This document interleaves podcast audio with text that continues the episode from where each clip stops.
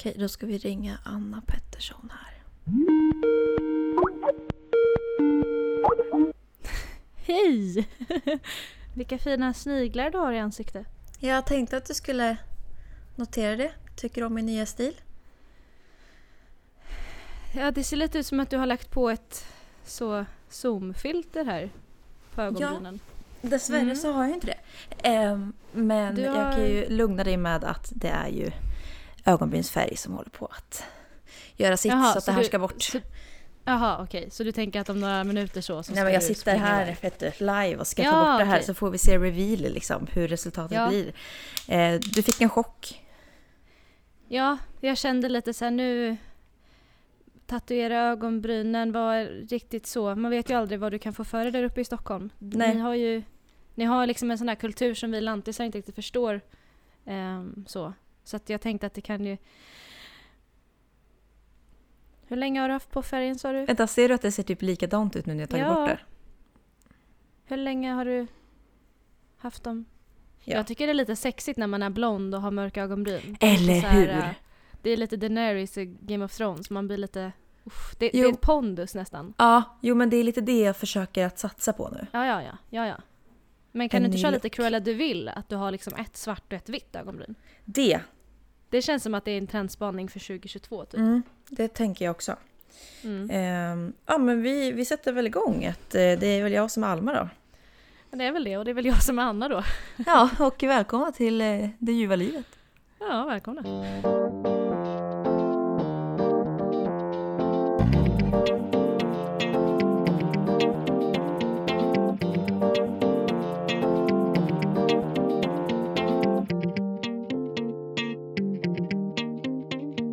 Får jag börja?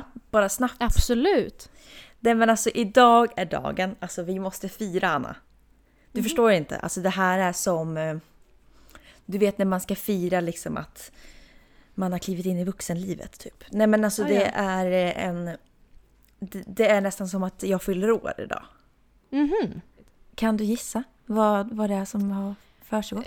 Jag har ingen aning vad du har gjort idag. Jag, eh, men vad kan du ha gjort? Ehm, har du fått ett jobb kanske? Nej, Nej, nej det har Det är större än så. Det skulle, ja, det, det, är större. Okej. Eh, Vuxenlivet, har du skaffat ett liksom Amex-kort så? Nej men Anna lyssna nu. Ehm, Lyssna nu. Mm. Jag har fått min första Mens. riktiga mens på sex år. Ja, det är stort. Du har blivit kvinna. Jag har blivit kvinna. Oj. Alltså från att min kropp har levererat låtsasmensar i sex år.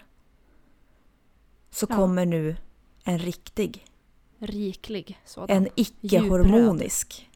Ja. Hormonisk? Ha, hor, ja, en icke-hormonstyrd. ja. Den är liksom så djupt röd. Au Kvinnligt röd. natural. Ja. Ja. Ja, Den Och luktar jag- till och med kvinna. Ja, för mycket faktiskt. Eh, Järn. det är nästan så att man får hålla för näsan när man sitter Ja. på toaletten. Nej men jag har ju också glömt hur det är att ha mensvärk. Mm. Så så roligt ska vi ju inte ha. Ja. Nej men alltså från att ha gått på p-piller, bara det gör ju att mensvärken dämpas. Mm. Och sen ehm, så ha, hade jag ju mens när jag gick på p-piller, hade jag ju mens typ var tredje, var fjärde, femte månad typ.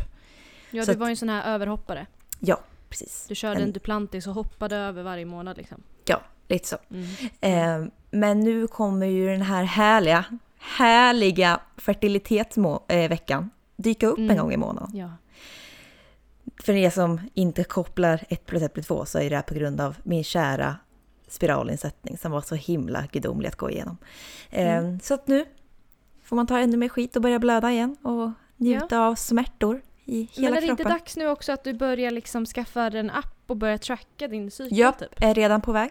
Ja, redan på väg. Kan, ja, Jag tänk tänker att- Likasinnade där. Nu måste jag liksom lära känna, get to know my body.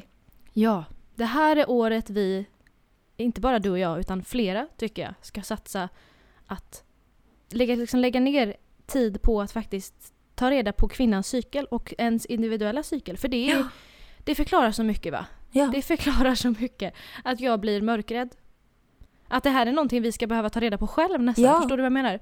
Ja. Det här är ju ingenting som någon har sagt till oss i sexualkunskapen att ett tips ungdomar det är att ladda ner en app eller att ta reda på vad en cykel är för någonting. Ja. Nej.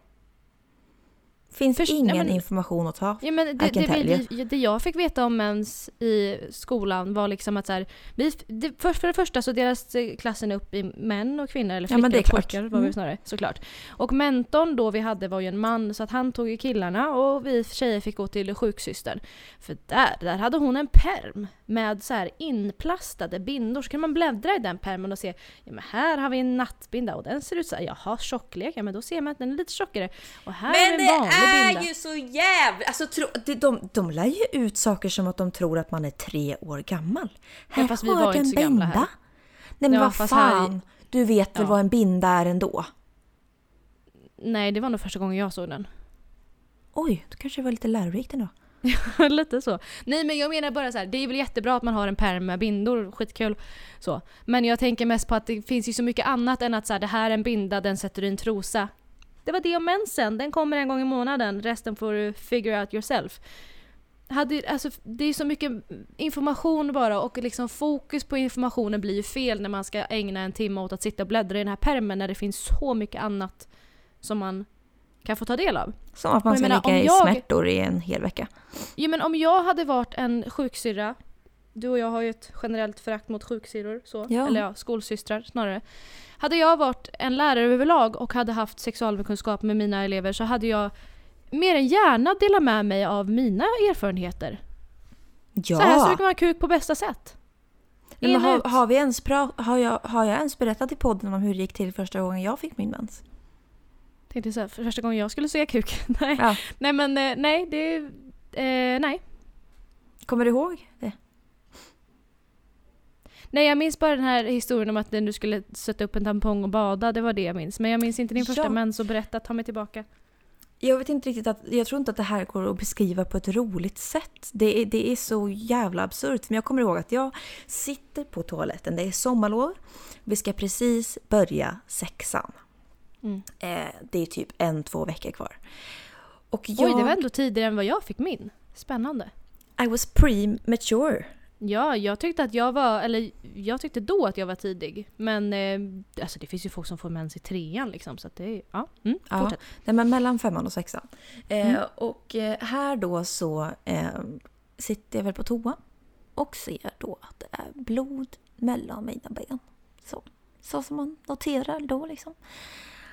Och vi har ju gått igenom tidigare min idé om att mina föräldrar var, hade en bordell. Ehm, och att jag hittat porrfilm hemma och att jag hittat glidmedel hemma och att jag har spenderat otaliga timmar av mitt liv att vilja ta mitt eget liv för att mina föräldrar är perversa. Nej men alltså jag har ju, jag har ju haft under min uppväxt ett förakt mot vuxenlivet. Eller Mm. ett förakt mot liksom fruktbarhet. Just det. Eh, Allt, har in, intimitet generellt. Ja. Nej men alltså en så ohälsosam relation med allt vad liksom kropp och knopp innebär. Totalt. Jag vet när jag Mm. var liten så hade mamma köpt hem en bok som hette så här, Kropp knopp och någon bok som hette typ så här Fråga Olle. Nej men jag vet inte men något så här, något, mamma och pappa gör barn, något sånt. Mm. Och alltså jag låg ju och grät i typ två veckor i min säng varje kväll. Och mamma Mm. fattade ju inte vad det var för någonting. Tills jag skrek på henne, rakt i nyllet vet du, skrek jag till henne. Att du måste gå och kasta den där jävla boken, jag vill aldrig se den mer i hela mitt liv. Så hon fick ta de där böckerna och gå ut och kasta dem i soptunnan ute. För att jag... Det, är, det är krav du ställer. Ja men, jag, liksom. nej, men, jag, men jag tänkte ju vad är, det, vad är det för jävla... Ja men jag tänkte ju att du är ju en jävla pedofil som har tagit hem det här till mig. Tänkte jag. Åh, jag vet inte om ni har hört hela den här historien men det finns ju anledningar till att det grundade sig så här och eh, har ni missat det så kan ni väl höra av er för då kan vi väl ta om en repris på det. Jag vet inte hur länge sedan Jag det var tror vi faktiskt inte pratade du har pratat om det alls. Om att jag trodde att mina föräldrar var... Jo, jo men du sa att så här, ja men jag tror inte jag pratat om varför, va, vad det grundar sig i. Jo men det var ju det här du vet med att skolan utbildade oss om bordeller och, och folk, barn blev våldtagna och fick tvångsarbeta på bordeller.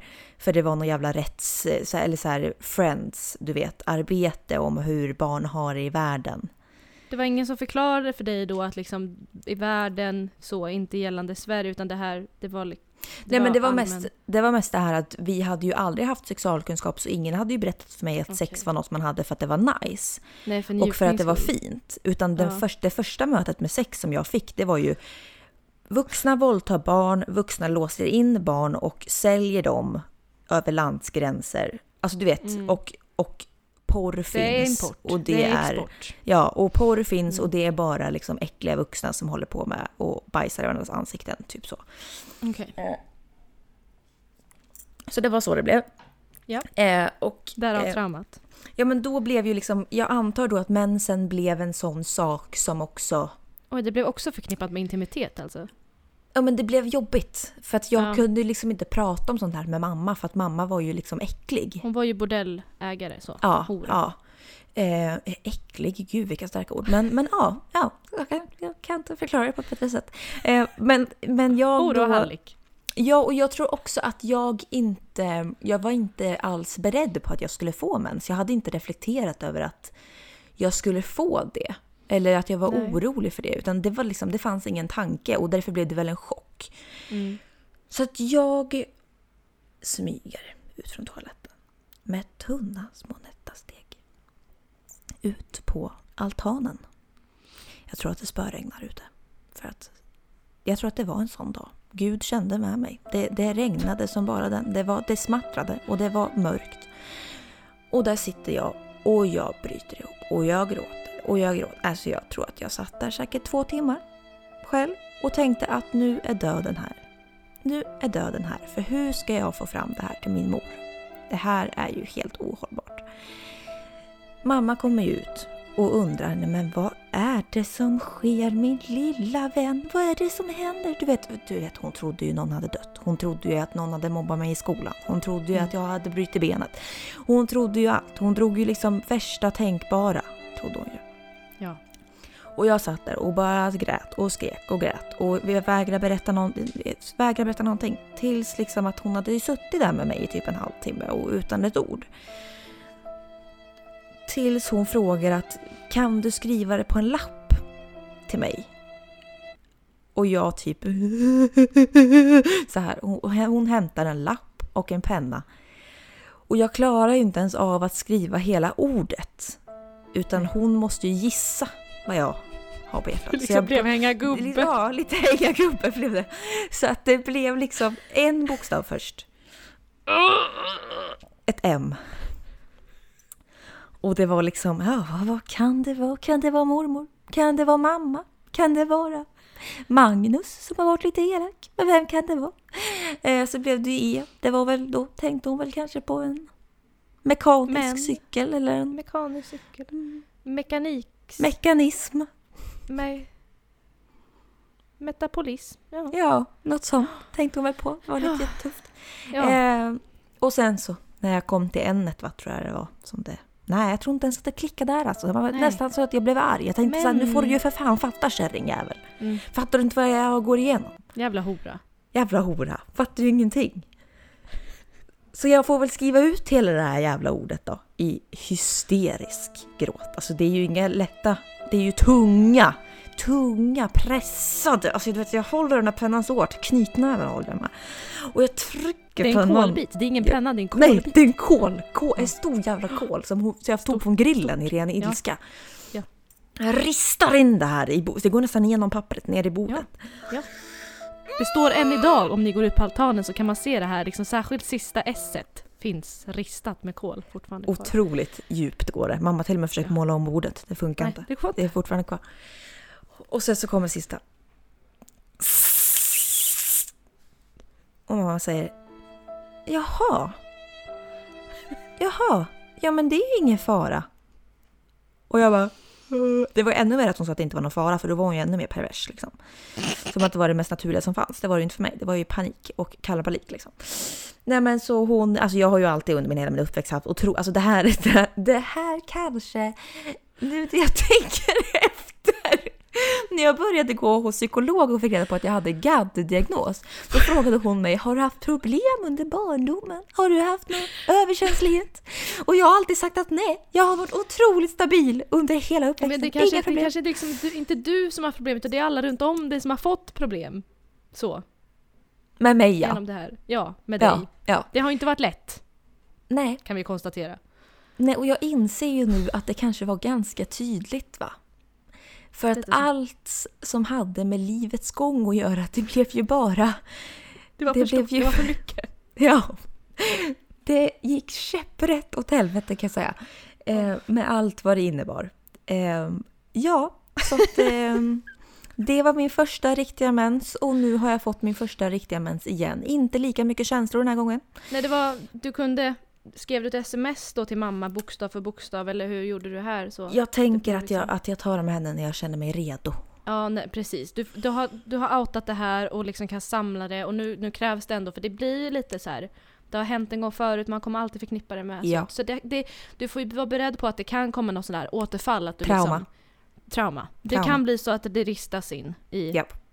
Ett bord här hemma. parketten. Ja. Så att du får ta det lugnt tror jag. Eh, Ja. Så.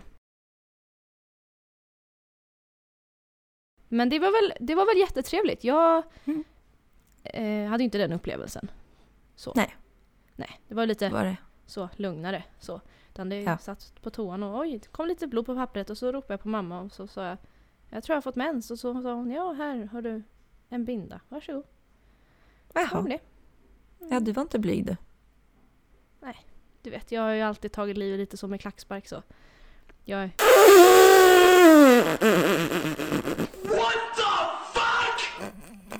Jag var inte så dramatisk som barn så att säga. Jag hade Nej, du var, inte så dra- du var inte så dramat- dramatisk. Du var Nej. inte så dramatisk utan du agerade ju inåt va? Ja men precis. Lite mer. Det Så, blev ju men jag- kalabalik in i hjärtat. Det, det kommer ju ikapp mig nu, alla de här åren av instängda känslor. Det, det kommer att ta mig så. så att, eh, Ja, en av oss lever ju det fria livet och en av oss Ja. lever ju inne i en Instängt. liten cell. så är det. Så att eh, det, men ni får, ni får väl välja avgöra lite själva där hur ni väljer att liksom hantera hela så. Antingen så tar ni det direkt, tjuren i hornen, eller så skjuter ni upp det och så kommer tjuren och hornen ta er sen istället. Ja.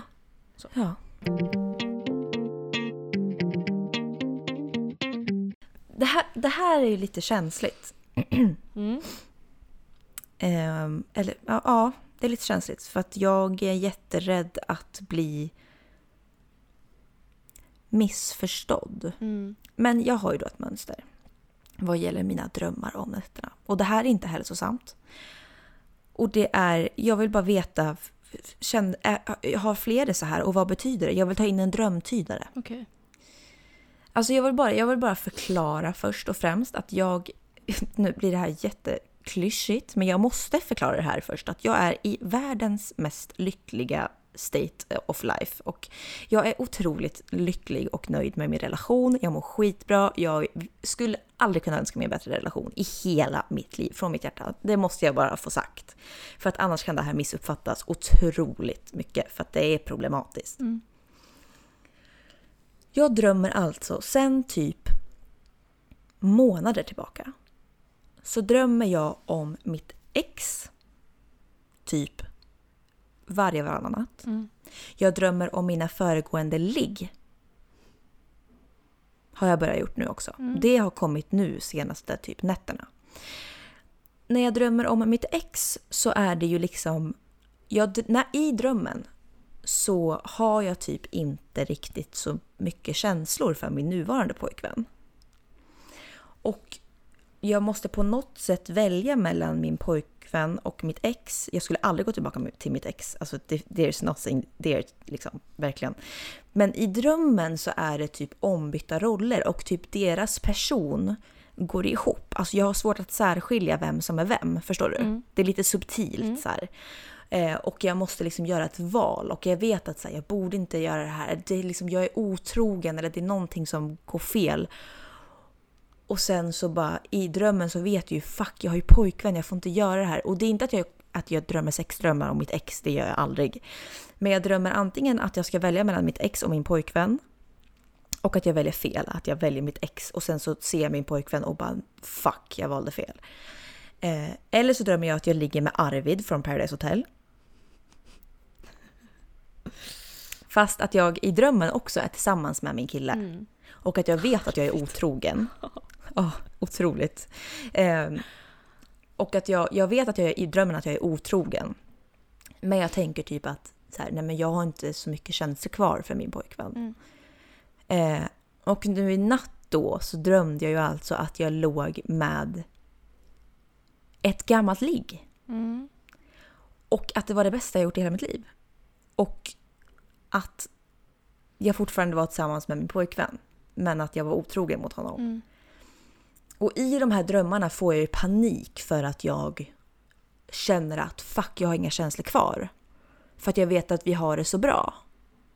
Och det är så jävla äkta känslor att det känns just, du vet ju själv, det är ju, det är ju verklighet när man drömmer det.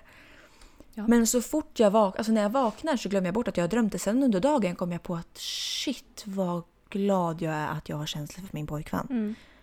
Vad fan var det som hände? Alltså för att det finns inte en cell i min kropp som tvekar på min relation. Och jag, fatt, jag vill inte ha de här bilderna i mitt huvud. Jag vill, inte, jag vill inte se och höra mig själv vara nöjd med någon annan. Jag vill inte se mig själv vilja vara otrogen. Alltså det är så förnedrande. Alltså det är förnedrande att drömma de här drömmarna. För att jag känner mig typ som, jag vet att jag inte kan styra det, men jag känner mig som en hemsk människa. Mm. För det här ska man inte drömma. Om min pojkvän hade bara sagt jag drömmer att jag ligger med andra tjejer och att jag tycker om det och att jag inte vill vara med dig. Mm. Det är jättehemskt. Mm. Alltså jag... Och det, det ska också sägas att jag är otroligt nöjd med mitt sexliv också. Alltså verkligen ja precis, för att man skulle, man skulle ju annars kunna dra slutsatsen att du är sexuellt frustrerad. Vilket hade Nej, varit nej, nej, nej. rimligt. nej, nej, men jag menar bara, inte. nej jag vet det. Men alltså jag menar att den Ja. slutsatsen är ju den första man tänker att det, det har någonting, eller att du är olycklig i en relation liksom. Det är ju de mest Ja. rimligaste. Men jag tänker att du har, eh, jag tror att du är så kär och så rädd för att det ska gå fel. För att, som du säger, du har aldrig mått så här bra, du, du, har liksom, du trivs jättebra i, alltså med allt. Sexlivet, samlivet, vardagen, allting går jättebra och du är jättekär och du har liksom varit det under en längre tid. Och jag tror bara att så här, du sätter spärrar för dig själv för du är så rädd att göra fel. För att du, jag tror att du någonstans känner att är det någon av oss som kommer göra fel så är det jag. Och därför sätter du såna otroliga spärrar omedvetet för dig själv. Eh, och att de här spärrarna mm, får leva ut i drömmarna istället. Så att liksom det du är mest rädd för, det utövar du i drömmarna för att det blir som en motreaktion. För att det är liksom någonting som du absolut inte vill ha eller vill veta av i den här relationen i ditt vanliga liv och i vardagen. Och det enda du kan göra då är att trycka undan sådana här känslor och den här liksom typ paniken över att du ska göra fel. Så att det är klart att det, det hamnar ju i drömmarna till slut. Ja, för det vet jag så här. Um, det är ju absolut, när du säger det, det först när du säger det så tänker jag ju nej, nej, nej, nej, nej, nej. För att jag, alltså jag känner aldrig att jag är orolig för det. Men, men samtidigt så tror jag att it haunts me att jag var den som var den som alltid svek Mm. mitt ex. Mm. Du kysste en annan kille när ni var tillsammans. Ja. Och jag tror att du, alltså även fast du inte vill säga det själv så tror jag att du tar jättehårt på det. Ja, ja, ja. Gud ja. Mm. Alltså jag, jag, otrohet är det värsta jag vet över hela mitt hjärta. Över hela mitt hjärta. Mm. Och det, det gör jätteont att typ... Jag har inte legat med någon annan, men jag har kysst en annan kille när jag var i en relation. Och det är ju otrohet. Ja, alltså det är ju upp till var och en i varje... I ena relation var det ju otrohet var det liksom. Ja, Mm. Och för dig Och- är det det. ja. Mm. Och där är det så här... Det gör ju jätteont att veta att jag kommer aldrig kunna säga att jag har aldrig varit otrogen. Och det är exakt det här jag tror är, det är det som, som du säger, det är det som jagar dig än idag. Även fast om du säger nej, jag är inte orolig, för jag kommer inte fucka upp. Jag, alltså, jag Mm. vet det, för jag har redan gjort det en gång och jag kommer aldrig göra det igen. Så jag förstår att du har exakt de här tankarna, men det är ju de tankarna som... Det, det, det finns ju något underliggande, för den här oron, det, det kommer nog krävas mer för att du ska släppa helt. Ja, men det är, så, det är ju så, um, så här, terapi. Nej men alltså jag undrar liksom vad är det som krävs? För att jag känner liksom att det här var så många år sedan. Mm. att jag tänker ju inte så mycket på det. Men just då i relationen, för att, för att jag, jag var ju en väldigt lång relation och du vet ju också att, att större delar, ganska långa delar av slutet på den relationen var inte jättebra för min psykiska hälsa och jag hade väl liksom på något sätt, jag var så jag var så trygg i att vara i den relationen för att jag hade varit i den relationen sedan jag var typ 13-14 år. Tills att jag var typ 18-19. Mm. 18. Så jag visste ju inget annat. Alltså det var ju mitt liv. Mitt liv var ju den relationen. Mm. Och trots att jag visste att känslorna inte fanns där för mig så var det ju fortfarande liksom en så stor del av mitt liv att jag kunde inte ge upp det. Nej. Och där... Det var ju där på något sätt... Det är ju också på något sätt ett svek att veta att jag var i, alltså att jag under så lång tid eh, var oärlig mot min partner Mm. och liksom någon som var villkorslöst kär i mig och var helt ovetandes om vad jag hur jag kände. Men det jag tror att det är exakt det som skrämmer dig också. För du har, du har varit den personen och då, i och med att du har varit i den sitsen där du har varit den som har liksom tappat känslorna men ändå varit kvar. Så vet du om att det är så lätt. Alltså det händer. Mm. Och i och med att du vet exakt hur den känslan kan vara och hur länge det tog för dig att ta dig ur det så tror jag också att med det så vet ju du att din partner eller dina kommande partners kan känna exakt samma sak och låta dig vara helt ovetandes. Och det är ju skitläskigt att veta. Mm. För att har man, alltså som jag, jag tappade ju inte känslorna på det sättet för mitt ex. Utan det var väl lite så här, det växte fram från, det började väl hos hans sida men sen att det liksom växte fram tillsammans. Så jag har ju aldrig känt den här Mm. känslan av att så här, varit helt ovetandes. Men, men jag kan verkligen tänka mig att har man varit den personen så vet man ju exakt vad det är man går och bär på. Och att veta att en annan person som man så otroligt villkorslöst älskar skulle gå runt och känna det du kände, det är ju hemskt. För du Ja. vet ju exakt alltså hur snabbt Ja, och det är ju att utnyttja Ja, Ja, och det är ju att utnyttja en annan persons känslor. Exakt. Det går inte att förfina det på ett bättre sätt. nej. Alltså det snällaste du kan göra när du känner så, det är att göra slut eller att ta upp problemet. Ja. För att annars så, du, utnyttjar ju den personen som ger dig allt hela tiden. Mm. Liksom.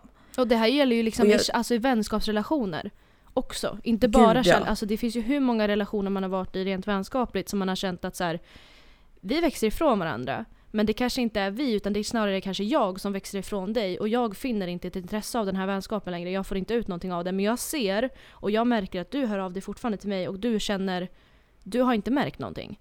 Och det blir ju, Mm. alltså det är fruktansvärt jobbigt för att man är ju, man blir ju den person, alltså man blir ju den elaka personen Mm. orsaken till allt, att allting går skit. Och det är skitjobbigt. Ja. Och det, jag tror att du har ganska rätt i det du säger. Att jag tror att i relationer så, så kanske jag ser mig själv lite som ett monster. Mm. Det låter ju jättegrovt. Men alltså så här, för att, för att jag är den som har varit hemsk. Mm. Och jag är jätterädd för att såra någon. Mm. Och för att bli den personen. Jag, jag, jag, det låter ju så konstigt för att jag vet ju 110% att jag aldrig i mitt liv skulle vara otrogen igen. Jag vet att det är 110%. Men jag är rädd för det. Mm.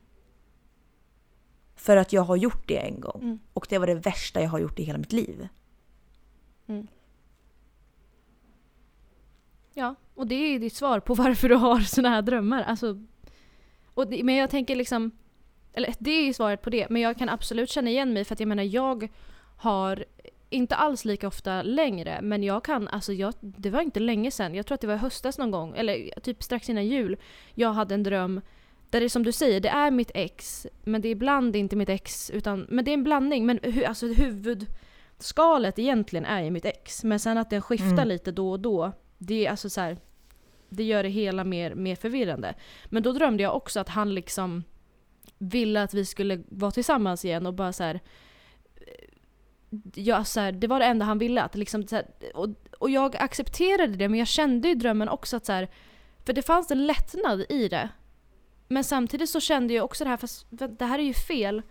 Men jag kan inte säga nej för att jag är ju kär i den här personen fast sen när jag vaknar så vet jag ju att jag är inte kär i den här personen. Jag hade aldrig gått tillbaka till den relationen. Och jag hade liksom, det spelar ingen roll. För att jag, det, det, kom, alltså, jag, jag tror, alltså, det finns inga känslor kvar för den personen men ändå så är det ju någonting som gör att man drömmer och att den personen är återkommande omedvetet i ens sinne. Och det är ju bara så här, Mm. det finns någonting som inte är uppklarat och som aldrig förmodligen kommer bli uppklarat när det kommer till den relationen.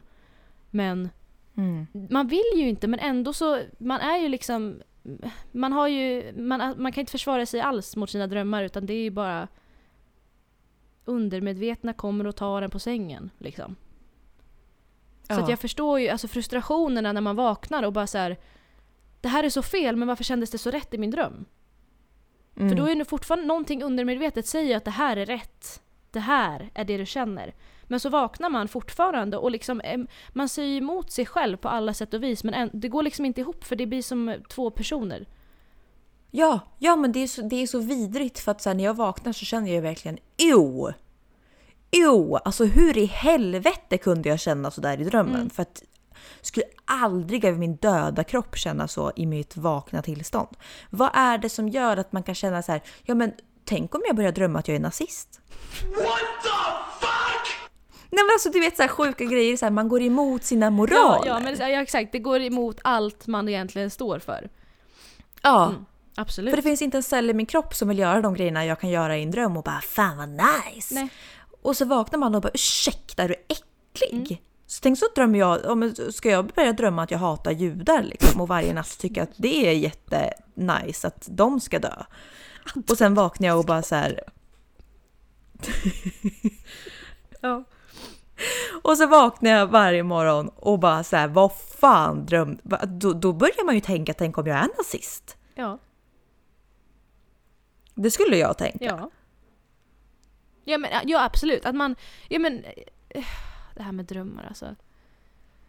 Jag trodde jag hade Jag vill ju, ha, jag vill ju träffa en drömtidare.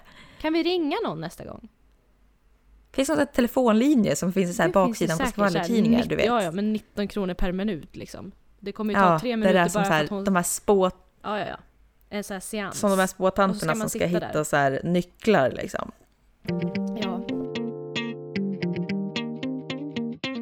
Och vet du, Nej. jag kom i sömnen ja, men det vet när jag. jag drömde jag, att jag låg med Arvid. Från PO. jag har aldrig vaknat av att jag har kommit i sömnen. Men det har jag hört Nej, att du gör det roliga ibland. är ju att jag inte kan komma Nej. annars. Så att, det är väldigt lustigt. Ehm, Jag har ju även drömt att jag... Jag har ju även vaknat av att jag kommit när jag har drömt att jag låg med Adde från Nej, Vad är det för Ex on the män? beach. Vad är det för män? Jag hade blivit typ mer, Ja. alltså jag hade sett det varit mer problematiskt, eller mindre problematiskt om du hade typ sagt så här Ulf Kristersson. Då hade jag bara fine, fine, absolut. Jag ser det. Men alltså att all, nej. Ja, det är kul. Va, jag, varför får jag aldrig drömma om sex? Alltså Alma Augustsson, jag är så... De senaste veckorna har jag varit så sexuellt frustrerad att jag vet inte vart jag ska ta vägen. Jag tror att nu ringer min biologiska klocka för fulla muggar. Det är någon som står i Notre Dame och ringer dag ut och Ja. dag in. Och jag vet inte, alltså är det en person som andas och står på två ben. Nej, det behöver inte stå på två ben, det kan sitta i rullstol och andas och kolla Ja. på mig. Då, då, är det, då är det reproduktion. Ja, det Ja. enda jag vill ha är närhet och intimitet. Fertiliteten. Ja! Mm. Alltså... Varför får inte jag drömma sexdrömmar? För det hade underlättat i min vardag så mycket. För att, för att bara liksom få... Men vet du vad? Jag har fått lärt mig. Shifting. Ja, Shifting. jo, jo, jag får ju börja igen. Jag Ja. får börja igen. Eller jag började ju aldrig, utan Ja. jag somnade ju så. Men jag drömmer ofta att jag, har jag sagt det här? Det tror jag. Att jag eh, är, ja, för det första så drömmer jag alltid att jag är mitt barndomshem. Bara det är problematiskt, det måste vi lösa. Men i alla fall. Ja, ja. Jag är alltid på väg ner till stallet. För som bekant för vissa Mhm. så är jag uppvuxen med hästar och eh, ridit hela min barndom. Jag är på väg ner till min häst och det enda jag vill är att rida. Det enda jag Mm. vill är att träffa min häst, sadla, rida ut i skogen. Bara galoppera, vilt i mina drömmar. Det är det enda jag vill. Får aldrig göra det. Och det här då säger min mamma som är lite så här, hon är lite medial så, att det här är Mm. en sexuell frustration. Mm. Att, att, vi, ja, att, vi, att rida på en häst eller att vilja, ha, att vilja rida i drömmar är sexuell frustration. Så det tror jag på. Eh, så det är ju det jag får drömma då. Det är ju det. Jag ska alltid till stallet. Men det är ju inte för att rida en häst så att säga. Utan det är att rida in en hingst. För att rida en kauk. Exakt. Nej men... eh, Riktig hövding. Jag, alltså, jag har ju märkt att när jag är inne på Tinder. Att jag helt Mm. plötsligt så börjar ju liksom så. Blonda killar. Jo men varför inte? En gymselfie. Ja. En fisk i handen. Så.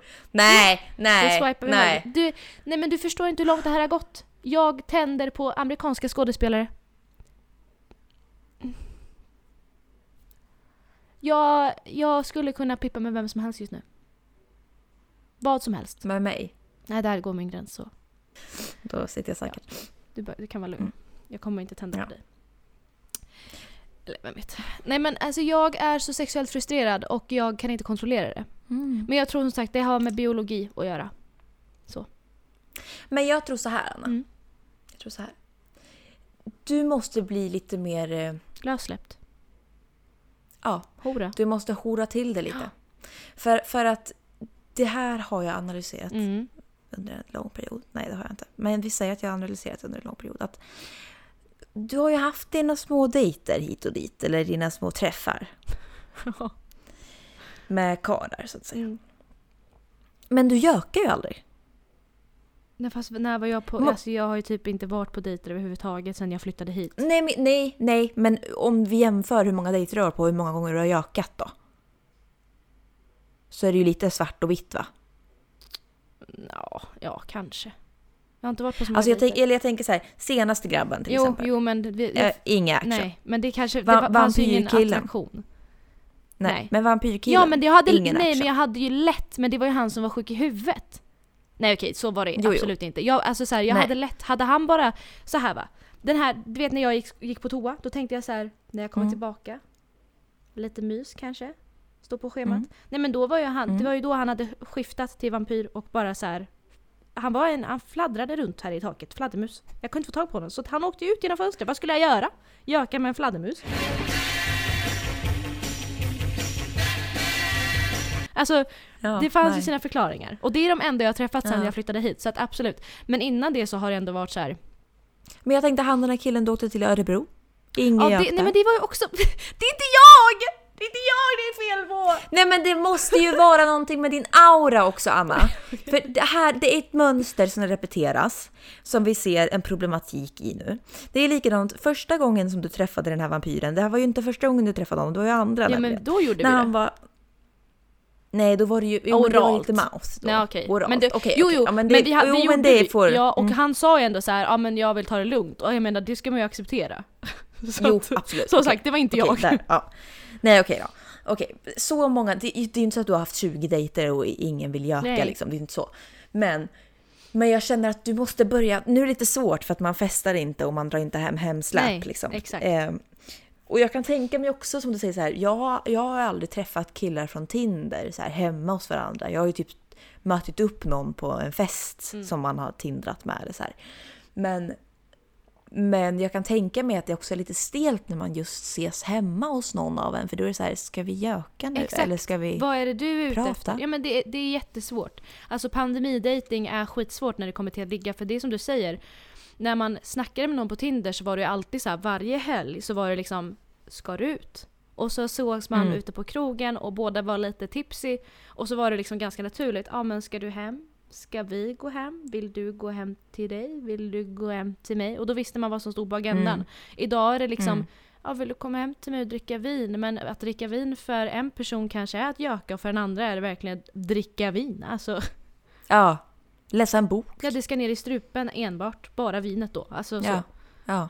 Så ja. att det, är, det är skitsvårt och som du säger, alltså just nu jag, dej, jag dejtar ingen, jag är inte intresserad av någon. Eh, Ja. Mm. Sånt är livet, sånt är livet så mycket falskhet mm. mm. vore här oh, yeah. Det man förlorar, man förlorar vinner en annan. vinner en annan. Så håll i, så håll i vännen som du har kär. kär.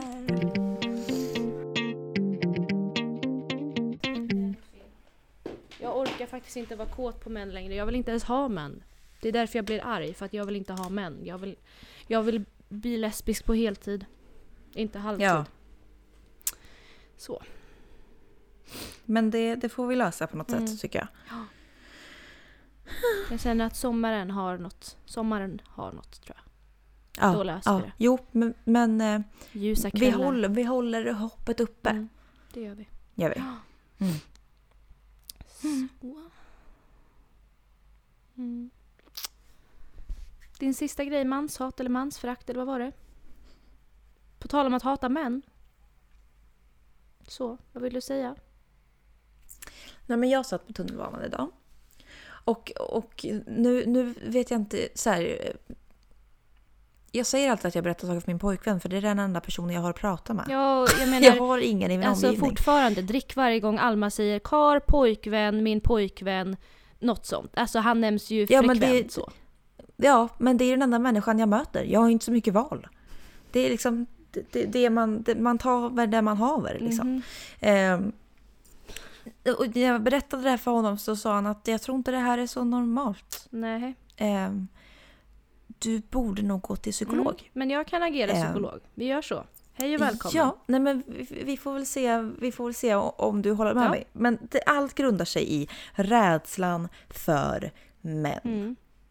Alltså vi snackar rädsla. Mm. Jag sitter på tunnelbanan. Det kliver på en man. Och här kommer ju fördomarna igång. Det är ingen man med kostym som kommer in lite snyggt med en portfölj och sätter sig bredvid mig. Utan det är ju en man eh, som stapplar in lite så här. Och man tänker oj, är han onykter? Är han nykter? Har han tagit droger? Eller han kanske bara har lite problem med att gå. Eh, men han sätter sig precis bredvid mig. Tätt. Var det fullt på tunnelbanan så eller var det liksom... Det var ganska mycket Okej. folk men men ändå så här i corona finns det inte plats så ställer man sig Mm. upp för att man sitter inte precis bredvid varandra liksom. Ehm, men han sätter sig där och här börjar tankarna. Jag, mitt hjärta stannar Mm. totalt och jag tänker att nu kommer han att döda mig. Mm. varje liten rörelse han gör. Jag lyssnar på podd när det här händer.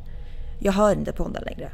Alltså podden, de, här fem minuterna som jag sitter här så, så jag var tvungen att spola tillbaka för jag har ingen aning om vad jag lyssnar på. Utan det är fight or flight mode totalt på ingång. Jag fryser, hjärtat stannar. Varenda rörelse han gör noterar jag. Alltså man sitter så här och blänger rakt fram för jag vill inte ha ögonkontakt med honom. Men jag ser ju i periferin, eller vad säger man? Mm. Hur han rör sig. Varje rörelse tänker jag att nu kommer han ta upp en spruta och spruta in i mitt lår. Mm. Så att jag somnar. Mm. Sen tänker jag, fuck, han kanske har en kniv. Tänk om han hugger mig? Mm. Vad händer om han hugger mig? Om han hugger mig, kommer de runt omkring att hjälpa mig då? Eller kommer de att gå härifrån? Eller kommer, hur långt bort är hjälpen? Finns det ordningsvakter på tunnelbanan? Hur lång tid tar det för ambulansen att komma? Om jag blir huggen i låret, hur snabbt tar det för mig att dö då? Eh, hur ont kommer det göra att bli huggen i låret? Gör det ont att bli huggen i låret? Känner man smärta eller adrenal- adrenalin som fylls på?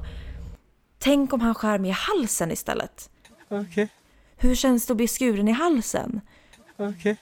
Vad gör jag mot honom? Ska jag försöka försvara mig själv eller ska jag försöka spela med? Alltså du vet, alla scenarion i mitt huvud spelas upp och jag ser de här scenerna. Och du vet den här tanten som sitter en liten bit ifrån. Och när jag berättar det här så säger ju då karln att, att, att det, är nog, det är nog vanligare att man i så fall är orolig för att han ska ta en på låret. Eller för att han sitter för nära. Men jag tror ju att jag ska dö. Mm.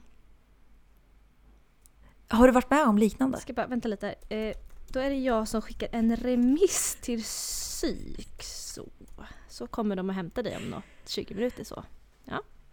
Ja. Nej, men alltså, all, ja, okej. Ehm, jo, jag är skiträdd för män och jag tror att det är många eh, som är det. Jag, är, jag, alltså jag känner igen mig i det här eh, paniken av att alltså man stänger av allting annat. Alltså så fort jag passerar någon, en man typ när jag är ute och går mitt på blanka dagen, möter någon Mm. i en typ tunnel, eh, ska Mm. gå in i en tunnel och se att jag möter någon eller att jag, alltså jag märker att jag är ensam i det här uh, joggingspåret. Så stänger jag Mm. min musik eller så jag, alltså, tar jag bort ena hörluren från ena örat så att jag kan höra om det händer någonting. Så jag tror att så här, Mm. ja, så här ser det ut. Jättemånga, jag, alltså jag är också livrädd för män för att eh, män är vidriga. Men sen till den graden att jag sitter och tänker på om jag kommer bli huggen i knät. Alltså jag känner väl, alltså jag kanske är lite mer agera-mode då. Jag skulle aldrig låta någon döda mig. Förstår du? Alltså för, för mig går det aldrig så långt att jag tänker att så här. Absolut om han skulle sätta en spruta i min arm och att jag skulle somna. Men jag skulle göra allt jag kunde för att, alltså för att motverka det. Och eh, jag skulle nog ändå känna trygghet i, okej det är ändå tio personer runt mig. Det är fler på den här, bara den här liksom delen av tunnelbanan. Någon kommer absolut att göra någonting. Alltså så. Mm. Så jag hade nog aldrig gått så långt att jag liksom... Men däremot i de här situationerna när man har varit i en tunnel säger vi och så möter man en man och man märker att han saktar in eller kanske kollar på en eller liksom nästan stannar. Alltså då, då kommer direkt de här tankarna om att så här, nu dör jag. Okej, vad var Mm. det sista jag sa till mina föräldrar? Vad var, vem var det sista jag Mm. ringde? Kom, hur lång tid kommer det ta för att någon hittar mig här? Hur högt behöver jag skrika för Mm. att någon ska höra? Alltså sådana tankar, det, det tänker man och jag tror att många gör det. Eh, tyvärr. Så att det kan jag absolut känna igen mig i. Men sen just kanske i den här situationen när du ändå var omringad av människor så kan jag ju tycka att det kanske är Därför kan jag ändå, alltså jag själv, hitta någon trygghet. Men eh, alltså jag tycker inte det är orimligt alls för att jag menar vi Män är fruktansvärda och det är ingenting som eh, någon kan förneka skulle jag säga. Vill du göra det så varsågod och ring 07679. Nej jag skojar. Nej men alltså Ja. Män är skitläskiga. Och eh, ja, det får de ta som kollektivt straff, det tycker jag. För att nej, alla Ja. män. Men alltså, ja. Män är Nej, men jag är rädd för varenda jävel Ja, jag går Det förbi. är jag med. Kan inte du känna också, alltså jag, jag har börjat fått någon så här extrem... Är det här Almas rädslor-podden vi har kommit till kanske? Ja. Radda upp en lista.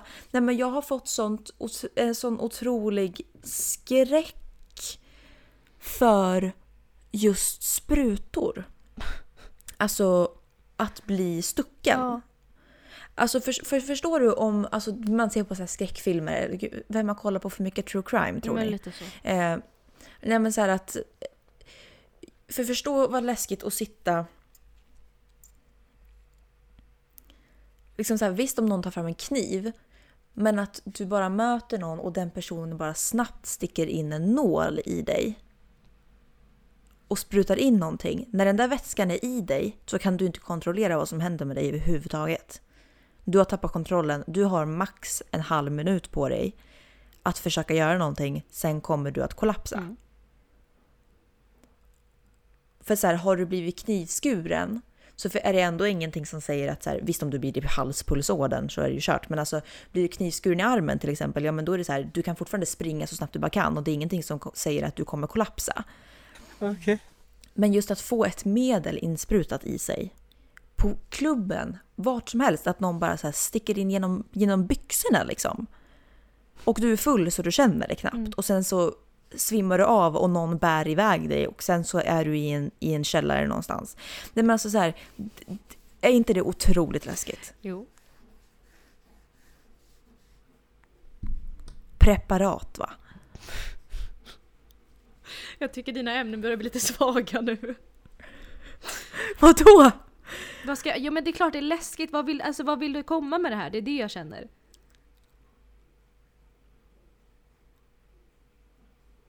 Har du någon plan? vad vill du säga? Jag kanske, Hasse jag kanske Aro, bara vem vill ska... att vi ska ringa? Jag kanske bara borde ta mig till en psykolog istället för att ta ut det här på dig. Alltså jag, alltså Så. jag, kan, ju- jag förstår rädslan men jag kan fortfarande inte liksom Jag, det, jag tror att det är det här din, din lilla diagnos spelar in va? För du gör ju en så stor grej av det här. Precis som du gjorde en stor grej av när du blev jättearg på att jag var så rationell. För mig är det så här, ja det här är skitläskigt. Det här är alltså min största rädsla. Att bli våldtagen, Mm. att någon ska förgripa sig på mig, det är väl allas största rädsla. Att bli misshandlad, det är skitläskigt och vidrigt. Men vad, alltså, Mm. vad ska jag göra med det? Vad vill du att jag ska... Alltså, så här, förstår du? Du kommer ingenstans. Du, du springer ett ekorrhjul. Och det är exakt det du gör nu. För Ja. du springer runt och så ska du förklara hur läskigt det är hela tiden. Åh, tänk när du är på klubben och tänk du inte ens, du, du är full så du känner ingenting och du har max 30 sekunder på dig att göra någonting. Ja men vad vill du att, alltså, vad, vad, vad, alltså vad, det finns ingen slutsats. Det är det jag menar. Nej, Det är nej, helt okej. orelevant. Alltså Nej. det är så här, ja vi alla är Nej. rädda. Ja. Ja men grejen för mig är att för mig när jag berättar om det så befinner jag mig i den Jo men vi alla, vi, alltså, vi är när jag berättar där. det jag förstår så att är jag du där. är där. Ja. Men du, du vet så här, jag och alla lyssnare just nu, vi sitter på, på läktaren och ser hur du liksom Mm. långsamt bygger upp ett drama och håller någon slags monolog men vi vet inte vad det handlar om. Vi sitter mest där och liksom Nej. kollar på varandra och så här, ja ja men Nico och le så länge, Nico och le bara så. Och så applåderar vi när hon är klar sen så blir det jättebra. Vi behöver inte, lägg, lägg dig inte i för då kommer det ta lång tid. Och bara låt henne hållas. Jag tänkte så här, alltså när du berättar dina anekdoter som du ändå har berättat nu, de här två anekdot- ane- anekdoterna. Mm. Det här är absolut inte på något sätt menat i nedvärderande. Jävla kärring. Absolut inte. För att det är alltså, Men, men. Nej men alltså, för att det, jag menar, det är tankar och det är händelser som du vill berätta i en podcast. För du och jag har en podcast och där har vi båda friheter att berätta och uttrycka exakt vad vi vill. Och det ska vi också få göra. Eller hur? Ja men lyssna, sluta himla med ögonen. Ja, det finns grejer som jag absolut säger som jag i efterhand bara så här. Och jag förstår att du har suttit så här, ja. Mm. Okej, alltså vad vill du komma med det här? Så. Och jag känner mest att så här. Typ när du berättar om det här och drömmar om X eller liksom eh, det här på tunnelbanan. För mig är det... Jag tror vi har olika syn på vad som är eh, innehåll för dig och innehåll för mig är olika saker. Och jag, jag menar absolut inte att mitt innehåll är rätt. Det är det inte. Alltså det är bara, det är bara du, att du och jag har olika uppfattningar. Så för mig när du berättar om att du satt på tunnelbanan, då är det så här. Jaha, men då kunde jag ha berättat om det här som hände igår. Jaha, men då kunde jag ha berättat när jag träffade min granne och det här hände. Jaha, men då kunde jag ha berättat det här. Men för mig är det så här, så, sådana saker blir ju inte innehåll för mig för att jag ser att så här, okej det här hände. Jaha, vad vill jag säga med det? Ja, jag vill bara säga att det hände. Kan det leda till någon diskussion? Kanske, om, om det liksom är tillräckligt eh, att du känner att du nappar på det och att vi märker att vi spinner vidare fast det, liksom, det går lite från ämnet men att det finns en bi, bisats man kan ta typ. mm. Så det, jag tror att det är det, för här blir jag så här, jag sitter mest och nickar. Mm. Mm. Ja men det är skitläskigt. Ja. Nu då? Det här är inledningen och jag väntar på handlingen. Men för dig är det här handlingen. Förstår du vad jag menar? ja. Och som sagt, jag säger inte att jag har rätt. har ju- Jag säger absolut inte att jag har Nej. rätt. Det är bara så Men jag känner. samtidigt, samtidigt så har vi ju suttit nu i en timme. Mm. Och det är ju inte bara jag som har pratat. Nej. Vi har ju spunnit iväg på saker. Ja. Inte nu senaste, den här sista, ska jag, skulle, skulle jag inte säga. Ja, Men innan så har vi ju spunnit iväg på saker. Vi har ju diskuterat Ja, och det ja, kommer ja. bli content utav Jo. det. Jävla kärring. Ja, ja absolut. det här liksom. Jag blir irriterad. Ja, jag märker det och det, du har all rätt att bli irriterad för jag blev lika irriterad på dig när du bara så här, och du pratar om sjuksyrror i fem minuter och jag fattar det för att alltså, så här, vi upplever saker olika, innehåll olika. Ja, men, nej, men för mig är det ju inte så här att jag bara "Ja, jag satt på tunnelbanan och blev rädd för man, det är content. Nej. Men för mig är det också så här, jag har inte, för mig har det inte hänt någonting den här veckan. Men det är ett, direkt nu de senaste dagarna jag bara så här, okej men händer det någonting som skapar känslor hos mig, då skriver jag ner det för att så Mm. här, det kan vi ta upp och det kan bli en diskussion. Jag kan ju aldrig veta att det här blir en Nej nej diskussion nej, nej eller inte. absolut inte. Men jag, jag, bara, jag tror att här, jag mest inser att jag är jättekräsen med vad jag... För jag, som jag sa till dig innan, alltså idag. Jag bara såhär, jag har typ ingenting. Ja. För jag tänker att det jag har är ingenting jämfört med vad du kommer komma med idag. För när du säger såhär, men jag har två saker, då tänker jag att okej men hon har ju innehåll. Jag har tankar eller händelser, eh, men de är inte lika viktiga. För att du har ju innehåll eftersom att du säger det. Förstår du vad jag menar? Så det är nog mest jag som blir ledsen på mig själv och bara såhär, men hallå, varför? Och det är det jag menar, det här är Ja, eller, kritik. ledsen, eller att du blir ledsen för mig för att du förväntar dig att det ska vara mycket mer grundat content Jo men, än ja, vad det exakt, är. men det, det är ju inte ditt problem. För jag menar, Det är ju bara min åsikt. Och då är jag så här, jag har ju ingen anledning att vara arg på dig utan det är så, alltså den ska jag ju rikta mot mig själv. Och det är det jag menar med att så här, jag kommer inte med kritik men jag inser ju att så här, jag hade kunnat tagit upp tre saker idag. Mm. Förstår du? Alltså Mm. så. Så det är egentligen Mm. kanske mer till mig än till dig. Ja, mm, vad kul. Är det, konflikt, Bra. är det konfliktrunda kanske nu? Så. Vilken bra podcast. Ja. Ja men det ska vi... Nej men nu känner jag bara, har, har du bara känt att vi har gått, en timme har gått och jag bara har pratat om bajs? Nej men jag tycker inte att det här är en bra podcast hittills. Nej, okej.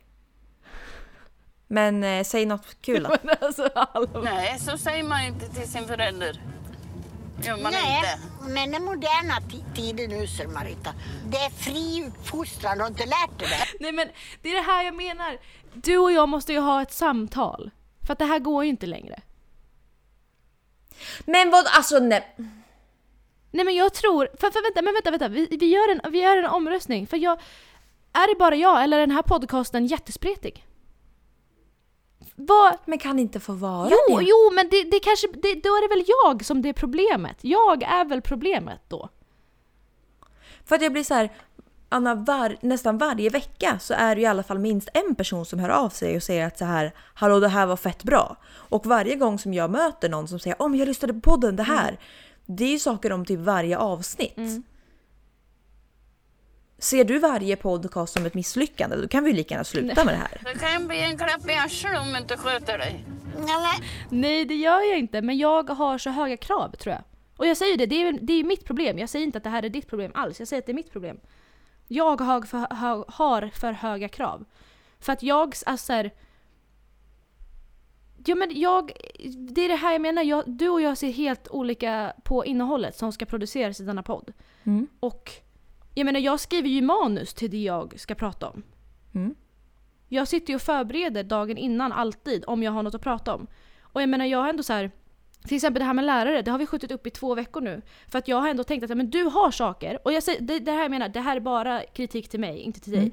Jag tänker att men du har ju saker, ja men det här med lärare, det kanske ändå inte är så bra. Så att vi tar det en annan gång. Och så skjuter vi upp det, och så skjuter vi upp det, och så skjuter vi upp det. Och det är som sagt, det är bara till mig, det är inte till dig. Så jag menar, du och jag har ju helt olika syn på vad den här podcasten ska innehålla. Och det är det jag menar, vi, jag tror att vi behöver prata om det för att jag har för höga krav. För för mig är det så här. Just nu så här, jag pluggar på heltid. Jag har inte tid att lägga så mycket tid på det. Så Nej men det Alma, så här, det har inte jag heller. Nej jag vet, jag vet, jag vet. nej. Men för, mig, för inställningen jag har till det, det är verkligen så här, om vi träffas en gång i veckan och vi snackar av oss och vi har lite, lite gött kött typ. Mm. Och sen är det nice liksom. För att jag vet att så här, när vi har gött kött och när vi inte har planerade podcast, det är oftast de podcasten där vi inte planerar som folk uppskattar mest. Mm. Ja, kanske. Jag ser ju att det som folk uppskattat mest är det som vi har planerat. Jag kan typ inte ens komma ihåg vad det är som vi har planerat. Jag tänker typ så här, en, alltså vårat bästa, eller våra, ett, några av våra liksom bättre avsnitt. Dels det här polisinslaget för några veckor sedan var skitkul. Det Mm. var planerat. Det var Mm. väldigt grundligt planerat, i alla fall från min sida. Eh, det här när vi körde GV och Edward, jävligt kul avsnitt. Också väldigt planerat och eh, väldigt så här innehålls... Till exempel det här avsnittet känns så jävla innehållsfattigt jämfört med förra veckan. Förra veckan hade vi ett flow och när vi uppnår det så kan inte jag se tillbaka. Då kan ingenting bli sämre. Så det här är ju bara mina prestationskrav. Och det, det, jag tror att så här, jag blir frustrerad på dig av, alltså så här, ännu en gång. Det här är bara hos mig. Jag, den här, Ja, men jag säga fattar, att jag jag blir fattar, frustrerad fattar. på dig. Ja. Men jag är inte frustrerad på dig utan det här är mitt fel. För det är Mm. mitt problem. Jag fattar. Jag blir ju frustrerad på dig för att du som du säger så här, du har heltidsstudier. Du hinner inte planera. Mm. Och jag känner så här, jag har heltidsstudier och jag har saker utanför skolan. Mm. Jag har liksom tre tentor nästa vecka. Men Mm. ändå så sätter jag mig ner varje gång innan vi ska podda. Och hela den dagen jag vet att vi ska podda så går jag varenda ledig minut jag har sätter jag mig och skriver anteckningar eller försöker tänka så här: okej vad är det vi ska prata om? Jag måste ha någonting. Och Mm. jag måste ändå ha tänkt ut någon slags formulering för att jag ska kunna svara på det här. Mm. Vi får ha ett eh, bolagskrismöte. Ja men det är det vi har och jag kan inte folk ta del, ta del av det här bara. Jo. För att det är inte lätt. För att jag tror, så här, som sagt, jag tror att eh, vi har ju alltid pratat om sen vi blev väldigt nära varandra i gymnasiet, här, vi är så jävla lika varandra och därför matchar vi jävligt bra. För Mm. att dina eh, energinivåer möter oftast mina och är du på en viss nivå så kommer jag alltid dit och är jag på en viss nivå så kommer du också alltid dit. Och Mm. absolut, det tror jag verkligen. Men jag tror att du och jag har egentligen så jävla mycket olikheter som inte dyks, dyker upp på samma sätt nu när vi ändå har distans, vi pratar kanske en gång i veckan Mm. och har uppenbarligen väldigt olika krav på den här podcasten. Mm. Så att... jag tror att vi är jätteolika varandra. Ja men det har vi ju kommit fram till för länge sedan. Alltså Mm. herregud, det är ju svart och vitt liksom. Ja. Men då är liksom så här, det är det som blir intressant för att jag vill ju jag vill ju gå in på djupet i den här relationen. För nu har vi känt varandra så pass länge.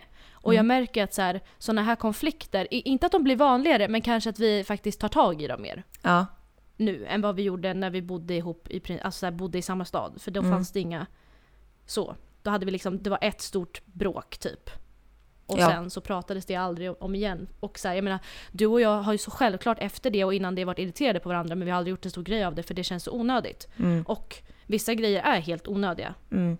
att ta upp. Och det här, alltså jag menar, nu sitter vi här och pratar och har pratat i tio minuter om eh, att vi har, alltså, vi hamnar här av en anledning. Ja.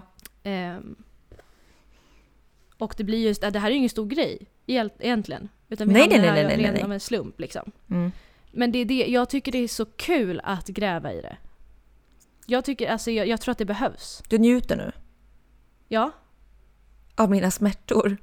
Ja, för att du, du är ju inte jättebra på konflikter, det är inte jag heller. Nej. Absolut inte. Men jag, jag vill bli bättre på det. Ja gud, Och jag tror alltså, att- det var ju mitt, gud vad jag pillar i näsan. Det var ju mitt, eh, bland annat mitt nyårslöfte att jag skulle bli det. Så det, är ju, alltså, Ja. det, det måste jag ju ändå säga att vi har blivit mycket bättre på. Varje Mm. podd i, innehåller ju någon typ av konflikt numera. typ, Ja, eller inte men- konflikt, och- men en diskussion. Men vad fan, vilken jävla hagga det är. Du sa att vi skulle bara åka en sväng. Jag tror, nu, nu när jag har hunnit smälta det här lite grann, eller nu när jag har hunnit reflektera lite över, över det här som du säger, så tror jag också att, att det, det är just det här med att jag inte förbereder saker på samma sätt. Så tror jag att det handlar om att jag har så otaligt många gånger försökt.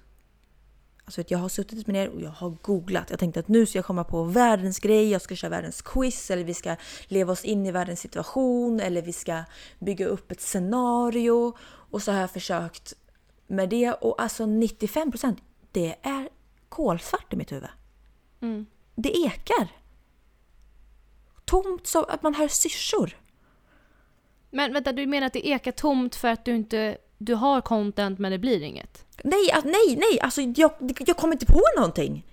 Nej, okej. Alltså när, när, jag försöker, när jag försöker tvinga fram content, då, då är det en sån jävla... Det, det, bara, det tar bara stopp. Alltså jag sitter verkligen, jag kan sitta och stirra in i dataskärmen i typ en kvart och bara så här, något kul, något kul, något kul. Och jag har suttit och googlat typ så här fun content. Alltså det är på den nivån. För att det finns ingenting i min hjärna.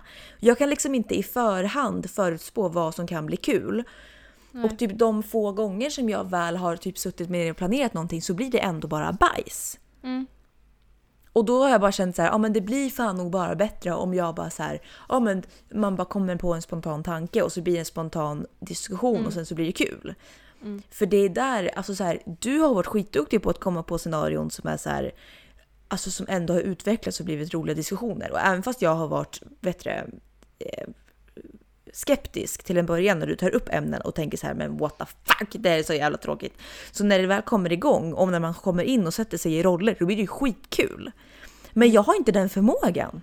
Nej, och det, det, det är jättebra att du säger det, för annars hade ju inte jag fattat det. För annars, då, sitter jag där och skitar bara så Alma, jag har lagt ner en timma av tid som jag inte har på att planera någonting. Nej men gud gumman, jag har försökt! Ja men det är jättebra att du säger det för då fattar jag att så här, du, du kan inte planera. Du måste Nej. sätta dig ner och bara köpa spontant. Och så funkar du. Och jag är den som måste planera för att jag ska få ihop någonting. Mm. Så det är liksom, det, det är klart att det blir en krock men det är, alltså, jag hade inte fått veta det om du inte hade sagt det nu. För att annars Men- så tror jag att du, du, du sitter där och säger Äh, jag orkade inte. Alltså för mig blir det så här, jag orkade inte planera någonting så jag kör något spontant typ. Nej nej nej, nej nej nej, så nej, är det nej, verkligen jag vet inte. Ju, nej jag vet det nu, jag fattar det nu. Men det är ju så jag kan, alltså här, hade du inte sagt ja. det så hade jag ju fortfarande uppfattat det så. Liksom. Ja. Men det här är så sjukt, alltså så här, För att jag tror, och det kanske är det det handlar om den här jävla fitt-podcasten, att för att v- våran pitch någonstans har ju alltid varit att ah, men det här är 20-årskrisens fulla fucking peak. Det går åt helvete ibland och så går det skitbra ibland. Och jag tror att just nu är du och jag i ett stadie där både du och jag inser mer och mer vilka vi kommer att bli eller vilka vi växer till att bli och vad det är som gör att vi faktiskt är precis som vi är. Mm. För precis som vi pratade om när vi hade vår konflikt sist för några veckor sedan. Mm. Jag har inte fattat att jag är kontrollberoende. Nej. Jag har aldrig sett mig som kontrollberoende. Aldrig. Jag har alltid sett mig själv som spontan. Och jag har aldrig sett mig själv som känslig. Nej. Aldrig sett mig själv som känslig. Nej. Jag har varit iskall. Och det är så alla har beskrivit mig i alla dessa dagar. Men jag inser att jag är ju kontrollfreak och ett känslovrak. Ja. Och jag tror att det är där, för att det är exakt det här det handlar om någonstans i just den här åldern, att det är så jävla svårt att eh, bibehålla relationer för att folk växer. Och det är ju som, alltså det är som Det tonår- låter som att du försöker tonåring. slut med mig nu. Du kan dra åt helvete morsan. Nej, det försöker jag inte göra. Det, är, menar det bara- du vill komma fram till är ju att det här kapitlet ska stängas. Nej! Jag tänker på att vi, jag tror bara att du och jag måste vara så jävla medvetna om att ett nytt kapitel snarare öppnas. Vi vänder blad. För att du och jag växer till personer som vi kanske inte... För jag menar, jag ser inte dig som en... eh, Jag, jag ser ju dig som den planerade av oss två. Ja. När det kommer till sånt här. För att det var den jag lärde känna och lärde uppfatta i gymnasiet. Och det är det jag menar, jag tror att så här, det är det här, alltså just den här åldern är, kommer nog vara skitsvår när det kommer till relationer. För att folk förändras. Fast nu kommer, jag, vet vad, nu kommer jag gå runt och, nu kommer jag gå runt och tro att du inte vill vara vän med mig. Men varför då? Det, det, jag har absolut inte sagt det. Jag har Jo, bara att- sagt att... För att du såhär, åh, relationer förändras och vi är så olika och den här pod, fit-podcasten. Du såhär, åh, jag vill inte vara med du, du är jättekonstig. Alltså så här, du, du, allt du vill är ju, hade du fått bestämma själv så hade du gått tillbaka och aldrig gjort den här podcasten känner jag. Nej, nej, jag älskar den här podcasten men den driver ju mig till vanvettet uppenbarligen. Ja, För att jag har ju för höga krav ja, ja. Ja, det här är ju som sagt, jag är fortfarande arg. Den här fit-podcasten är ju egentligen fitt-jag, som jag vill säga. För att jag förändras och jag lär ju mig mer om mig själv för varje dag. Precis som du också antagligen gör. Och att...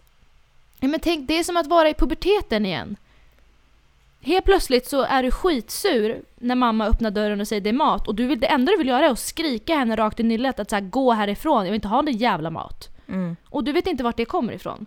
Nej. Och jag känner samma sak, att så här, Det här åldern är så svår för att jag själv känner att varenda dag så lär jag mig något nytt. mm, Om dels mig själv och om omvärlden. Vilket gör att jag formas om på nytt. mm, Jag lämnar saker av mig själv hela tiden. Och jag tar in nya information om mig själv hela tiden. Och då blir det svårt att hålla en relation.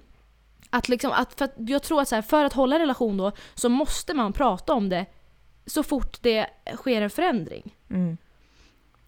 Så jag tror att det är jätteviktigt att du och jag som ändå har känt varandra länge måste hela tiden uppdatera varandra att så här, nu reagerar jag så här för att jag har kommit underfund med att jag klarar inte av det här eller jag måste ha det så här eller jag känner så här. Ja men det är det, som är så, det är det som är så svårt också för att jag har ju inte märkt att jag har förändrats. Nej.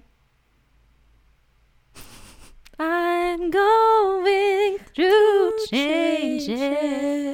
Ja, det var ju våran, min begravningslåt vi planerade. Ja. Nej men, nej, men att, att eh, du, du är ju ändå ganska medveten för att vi pratar väldigt ofta om din, dina problem. Tänkte jag säga. Vi, vi, vi touchar väldigt ofta liksom. Eh, det kommer Precis på som tal. vi touchar med dina problem. Ja. Ja men alltså det kommer mer på tal just angående men som dina förändringar eller dina uppenbarelser. Att du har kommit på att så här, nej, men jag är inte på det här sättet. Eller jag är ju faktiskt väldigt så här fyrkantig när det kommer till planering och sådana saker. Men, men jag upplever mig själv som gamla jag som jag alltid har varit. Jag ser inga, jag ser inga förändringar mer än att jag har blivit lite tråkig typ. Men det är kanske det som är grejen då, att det som jag sa i början av den här podcasten för att runda av. Jag, mina, min tjur med hon kommer ikapp mig. Du kanske, du kanske känner dig jättetrygg, för jag menar, jag blir ju livrädd när du säger till mig men jag känner mig ganska klar med mitt liv. Alltså så här, och då inser jag att du är ju, du känner ju ändå så här, men jag är, alltså jag är jag. Eller vad då? vad är det som ska hända? Ja. Medan jag, jag går runt här som en hyr, yr höna och liksom får ny information från höger och vänster och jag känner att jag har ingen koll, jag vet ingenting längre. Jag Men vet du, inte vad som du är upp är eller ju i puberteten. Det är nu du Ja börjar jag få säger hår ju på det, jag föds ju liksom. på nytt! Ja men jag, Ja. jag är ju liksom, det är ju något som sker. Jag är ju i ett stadium som du absolut inte är i. Men samtidigt undrar jag om, om jag kanske blundar lite för mina förändringar, för du upplever ju att jag har förändrats. Eller är det, din, Ja. är det du som har förändrats och det gör att du ser på mig annorlunda? Det kan det också vara. Jag, alltså jag, jag, som, jag, alltså, som jag precis nämnde, att så här, när du säger att jag känner mig klar med livet. Så Det låter som att jag är redo för att dö, det är absolut inte så. Nej men... men, du, säger, nej, men du, skulle, du skulle kunna skaffa barn och, och villa om tre år. Mm, Och det gör mig skiträdd. mm, För då är det så här, för mig blir det då som att så här, när jag går runt här och yrar och inte vet varken in eller ut. Så är du skittrygg helt plötsligt. mm, Och bara så här, nej men jag ska skaffa barn tänkte jag. Eller jag tänkte, alltså så här, mm. Och jag, jag vet inte vad jag ska göra imorgon. Men du, du har ju liksom, du har ändå hittat någon slags balans. Och kan finna dig till ro med det. Medan den där balansen skrämmer mig till vanvettet. Alltså jag blir ju skiträdd. För att du kanske bara så här. Det kanske har med att göra att du har tagit tag i dina problem. Att du känner att så här, jag har landat någonstans just nu i vem jag är. Och jag trivs jättebra med min vardag och det är ju underbart. Är det ju. Alltså det, Mm. att trivas i det man är är väl det enda man vill. Och det är väl skitfint att du ändå känner så här, jag känner mig nöjd. Sen kan ju den känslan förändras. Jag tror också så här att jag har ju gått i väldigt mycket terapi för just, vilket jag inser nu också, just för att jag har haft panik över framtiden. Det har ju varit min största problem, att jag får panik över att vi kommer dö och jag kommer åldras och allting är panik och jag vill inte leva och jag kommer inte hinna med någonting och jag måste resa och så här. Men jag tror att jag har liksom lärt mig processera det nu, att jag typ känner mig klar. För, för att jag har liksom tving, jag, har, jag har varit tvungen att lära mig att så här, idag är idag. Mm. Och det finns inte en cell i min kropp längre, förutom när jag väl får panik då, som kan känna liksom oro över det. Mm. Och det är väl jättebra. För då, då är det just det här, du har ju landat någonstans. Just Mm. nu. Vilket måste vara så skönt. Särskilt med tanke på vad du säger. Att du har, liksom, du har befunnit dig i det motsatta så länge. Och det är väl det som är blir en krock för mig då. För att jag har ju alltid haft dig vid min sida som har varit exakt lika villig som jag. Och känt som att vi har varit på samma plan. Men nu så känner jag verkligen att jag är där borta. Jag är Ja. långt åt helvete och du står kvar här och är skitnöjd. Och jag måste acceptera det, att du är nöjd. För jag, jag kan känna igen mig, för jag vet likadant. Kommer du ihåg när vi båda två var lika förvirrade i Eskilstuna och hade panik över att vi inte visste men om vi skulle när, plugga det var ju eller när den här inte? podcasten började. Precis, när vi Mm. inte visste så här. Vad vill vi jobba med? Vad vill vi plugga? Vad gör vi? Vad är livet ens? Och jag Mm. kommer ihåg att när du droppade för mig att du funderade på att börja plugga. Mm. Jag tror aldrig jag har fått sån panik. Nej. För då kände jag också att så här, du har landat. Och Mm. nu måste jag också göra det. För jag kan inte Mm. virra själv. Och det var ju typ den största paniken jag har känt. Att så här, vadå, ska inte vi virra tillsammans? Mm, exakt. Samtidigt som jag kan känna så här. Bara för att jag känner mig lugn i mig själv så har jag absolut inte landat. Nej. Alltså jag är öppen för allt. Jag skulle kunna tågluffa med dig i ett halvår. Mm. Jag hade jättegärna gjort det. Nej men alltså jag, eh, jag förstår din känsla 100% för att jag har nog känt den lite också förut. Mm. Ja men exakt, för jag känner, när du säger till mig att inom fem år då vill jag ha barn typ. Mm. Eller bo i en lägenhet. Då ser jag bara att okej men om fem år då är vi alltså inte vänner längre. För du kommer inte ha tid med mig. Det är det jag ser. Mm. Alltså jag ser ju bara såhär när du säger såhär, ah, men nu ska vi flytta ihop och jag vill ha barn. Då kommer jag bara, jaha, där var vår vänskap åt helvete, hej då, ha det kul, ha det gött för att jag kommer inte vara där om tio år liksom. Förstår du? Så Men, det är det jag är ja. rädd för. För att jag bara såhär, okej men nu, nu, alltså nu är ju inte jag prio ett längre. Det här med att vara prio ett. Nej, alltså, det, det är ju skitjobbigt, jag måste fast, vara prio ett. fast alltså du kommer ju alltid vara min prio ett. Nej fast det kommer inte vara den dagen du har lägenhet och barn och man. Nej men det är fortfarande så här. Jag kan se det lite som att så här. Det är klart att får man ett barn så kommer väl ens barn alltid vara ens prio ett Det- såklart. Rimligt ja. Ja. Men, men kan man inte få ha olika prio ett då? Jo, självklart. Men det, är, alltså, så här, det, det vet ju jag också. Men det är, därför, det är just den, det är bara det som rädslan bygger på när du Ja. säger såhär, men jag känner mig nöjd. För då, är, då får jag panik, för då är det såhär, jaha. Alltså vad ska jag göra då? Jag kommer ju bara liksom, jag blir ju ingenting. Jag, alltså, så här, för jag kommer ju vara helt motsatt. Och vad blir det då av den här vänskapen liksom? Men så, så förstår jag att det blir ju lika underbart det och det går ju lika bra det. Men alltså det, jag ser ju så här. När, när jag tänker så här att jag, om jag vill säga att jag skulle få barn om fem år och du inte har det, då tänker jag så här, du är ju min räddning ut i livet. Mm. Då, då tänker jag att där när jag lever morslivet, då är det ju du som drar ut mig på galenskaper. Och vi Mm. ut och lever loppan när karln sitter hemma och, och, och matar ungen liksom. Ja. Då är ju du min biljett ut till verkligheten. Ja. Och jag är din biljett in till tryggheten. För att Okej. du är alltid välkommen in i mitt hem och äta Ja. spenatsoppa med kokt ägg i. Och det ser jag snarare en möjlighet i. Man ska alltid se möjligheter i motgångar. Ja, det var skoj det. ja, nej men alltså jag, jag ser ju alltid så här, jag ser ju alltid att så här, vi kommer alltid kunna ge och ta av varandra. Mm. Och jag, jag ser ju aldrig att så här, ja men ja, där har väl inte Anna något att ge, eller?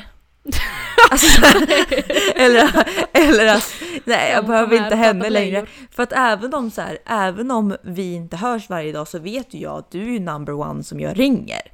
Eller så här, Ja. du är ju number one som jag vill dela saker med om det är någonting. Mm. Och det, det kommer inte förändras på ett bra tag. Nej. Nej men det skulle vet jag, jag önska? också, Skulle liksom. jag önska så för resten av livet? Mm. Verkligen. Ja, alltså det hade ju varit underbart om vi kan sitta här om 70 år och liksom kolla tillbaka på hur kaosartat det var när man var 20-22. liksom. Avsnitt 3484! Lite så, ja. Eh, nej men, men då är det kanske mer så här, vi kanske avslutar med att du kommer helt enkelt få vänja dig med att jag kommer vara skitkonstig framöver. Ja men det har vi väl båda alltid varit känner jag. Jo, jo, men med tanke på att du ändå känner... Du, eh, jag, jag, jag går in i tonåren nu. Ja, Du är ju vuxen. ja. Men jag kommer vara en pubertal tonåring framöver. det kanske är du som ska börja ställa mig frågor istället. Ja, så. Det blir väl så. Det är väl jag som ställer frågorna i den här podden och du hittar svar. Ja, Ja. jag är den moderliga figuren. Ja, som jag kommer vara skitarg på. Ja, Helt oprovocerat så. Det får du bara förmodligen. ta. Det får du Förmodligen. bara ta. Tonårsåldern är inte rolig. Men, Nej. men jag tänker att så här, finns det möjlighet för Anna Pettersson att samla på sig lite, lite tankar och lite sånt där funderingar om livet till nästa podd? Ja, det är väl det enda jag gör, eller? Så. Ja, jo. Men jag tänker att de här stackars små tankarna som du inte har fått yttra för att jag bara kört över dig med någon typ Ja. av gräsklippare. De kan väl du kanske få yttra då nästa avsnitt? Ja, det kanske är dags ja. Mm. Men jag behöver ju söka hjälp, så. Ja. Mm. Det är väl snarare jag som ska söka hjälp. Du har ju fått din hjälp. Du, Ja. du är ju bara här för att ventilera. Jag är ju här för att jag söker ju, jag behöver ju psykisk hjälp. Så. Ja, jo.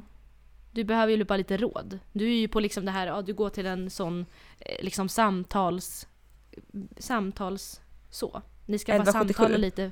Ja men du, ska, du är li, lite Uppföljning. så här, Ja, så. Det är lite, li- ja, hur gick det nu då? Ja. Mm. Och så har du 30 minuter att ventilera så. Jag behöver ju liksom in så... Tvångströja. Kanske psyk, alltså något sånt tänker jag liksom att det Ja. lite läggas in. Morfin. Antidepressiva. Båda två nu kanske behöver det på olika sätt. Eh, Ja, med dina Ja. lite större frågor och mina lite mer problem med att bli knivhuggen och ristad i benet och ju- nålar ju- och, och... Ja, du behöver så. få ventilera det här jävla hamsterhjulet för det gick ju inget bra här. Det gick ju bara Nej. runt och slutade så här. Mm, Du behöver bara få någon som lyssnar som faktiskt bryr kommer sig. ta in det, ja, bryr sig. Ja. Så. Ehm, Så Mm. nästa avsnitt blir inifrån eh, rättspsykiatriska vårdanstalten. Ja. Eh, vi får ta med oss inrustningen har vi fått godkänt från myndigheterna. Eh, och vi kommer att höras därifrån. Den här sladden kommer ju liksom vara inladdad i bubbelplats för man vet ju liksom inte, det här med sladdar får man ju egentligen inte ha så för de kan ju Nej, och jag tänker ljuddämpning i de här cellväggarna kan det också är, vara det är bra. problem. Jag, nej fast jag tänker att det blir jättebra för det blir jävligt fint ljus om både du och jag kan se till att varje onsdag så hamnar vi på, vi gör något, du vet som i fängelse när man gör någonting grovt så hamnar man i sån här isolation. Du vet där det är Ah. mjuka väggar. Om vi ser till bara att varje tisdag så fixar vi så vi sitter i den där och så får vi ta med oss micken och Du tänker att det är liksom kuddväggar inne i de här Ja, men det är det isoleringscellerna? väl? För att man ska ju inte kunna göra illa sig. Jo, men det är Det får inte betong. vara trä eller betong. Nej, det är ju såna här kuddväggar. Har du inte sett på true crime eller något sånt där? Jo, och det är ju för fan inte kuddvägg. Jo, jag har sett Orange is the new black.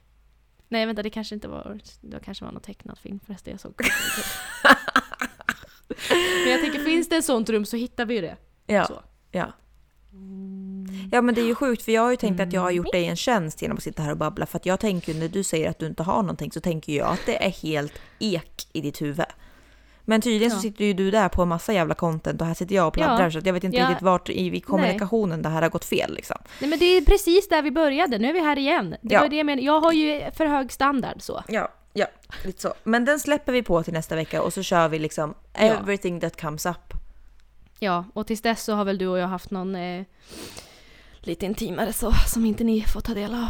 Det skriks ju en del utanför. Nu är Alma väldigt lugn så om ni ska höra hur det ser ut utanför. Ja, man vill ju inte rubba bilden av en själv ute på utför allmänheten. Arbetsmarknaden. Nej, man vet ju Jag är så lugn och sansad. Jag har kommit fram till vad jag vill i livet. Eh, men då har vi också slagit rekord för eh, vår längsta podd någonsin. Vi är uppe i 1.35. Eh, Ja. Och med det så kan vi väl kanske då börja avrunda med att, eh, att eh, Ja, Anna kan ju avrunda då eftersom att jag har pratat så mycket. Ja just det, det är ju min time. Nej, men Ja. vi, det här var behövligt tror jag och jag, jag hoppas att det är någon som tycker att det är kul. För jag har ju redan prestationsångest som ni förstår. Ja. Nej men det här, ja, vi har slått rekord. Vi får, jag får väl ta det som en sån så höjdpunkt med det här avsnittet. Rekord. Woho! Och med det säger vi att vi hörs nästa vecka med ännu mer innehåll. Och så säger vi så här att jag klipper den här veckans podcast. Trevligt. För att annars kommer du sitta med den här podden och bara spy och tänka att allting är skit. Så att jag redigerar den här podden. Jag ska få den här podden att bli riktigt bra. Sen ska du få Trevligt. lyssna på den när den är färdig. Mm, så ska vi se vad du tycker. För att jag tror att du har även för mycket press på dig själv när vi spelar in. Ja. Jag hoppas det. Tänk om den blir bajs nu. Men vi hoppas att den inte blir det. Ja. Eh, Ja, nej, men, eh, ses vi, nästa vecka. Vi ses nästa vecka. Ha det gött. Det gör vi. Ha det gött. Hej! Hej då!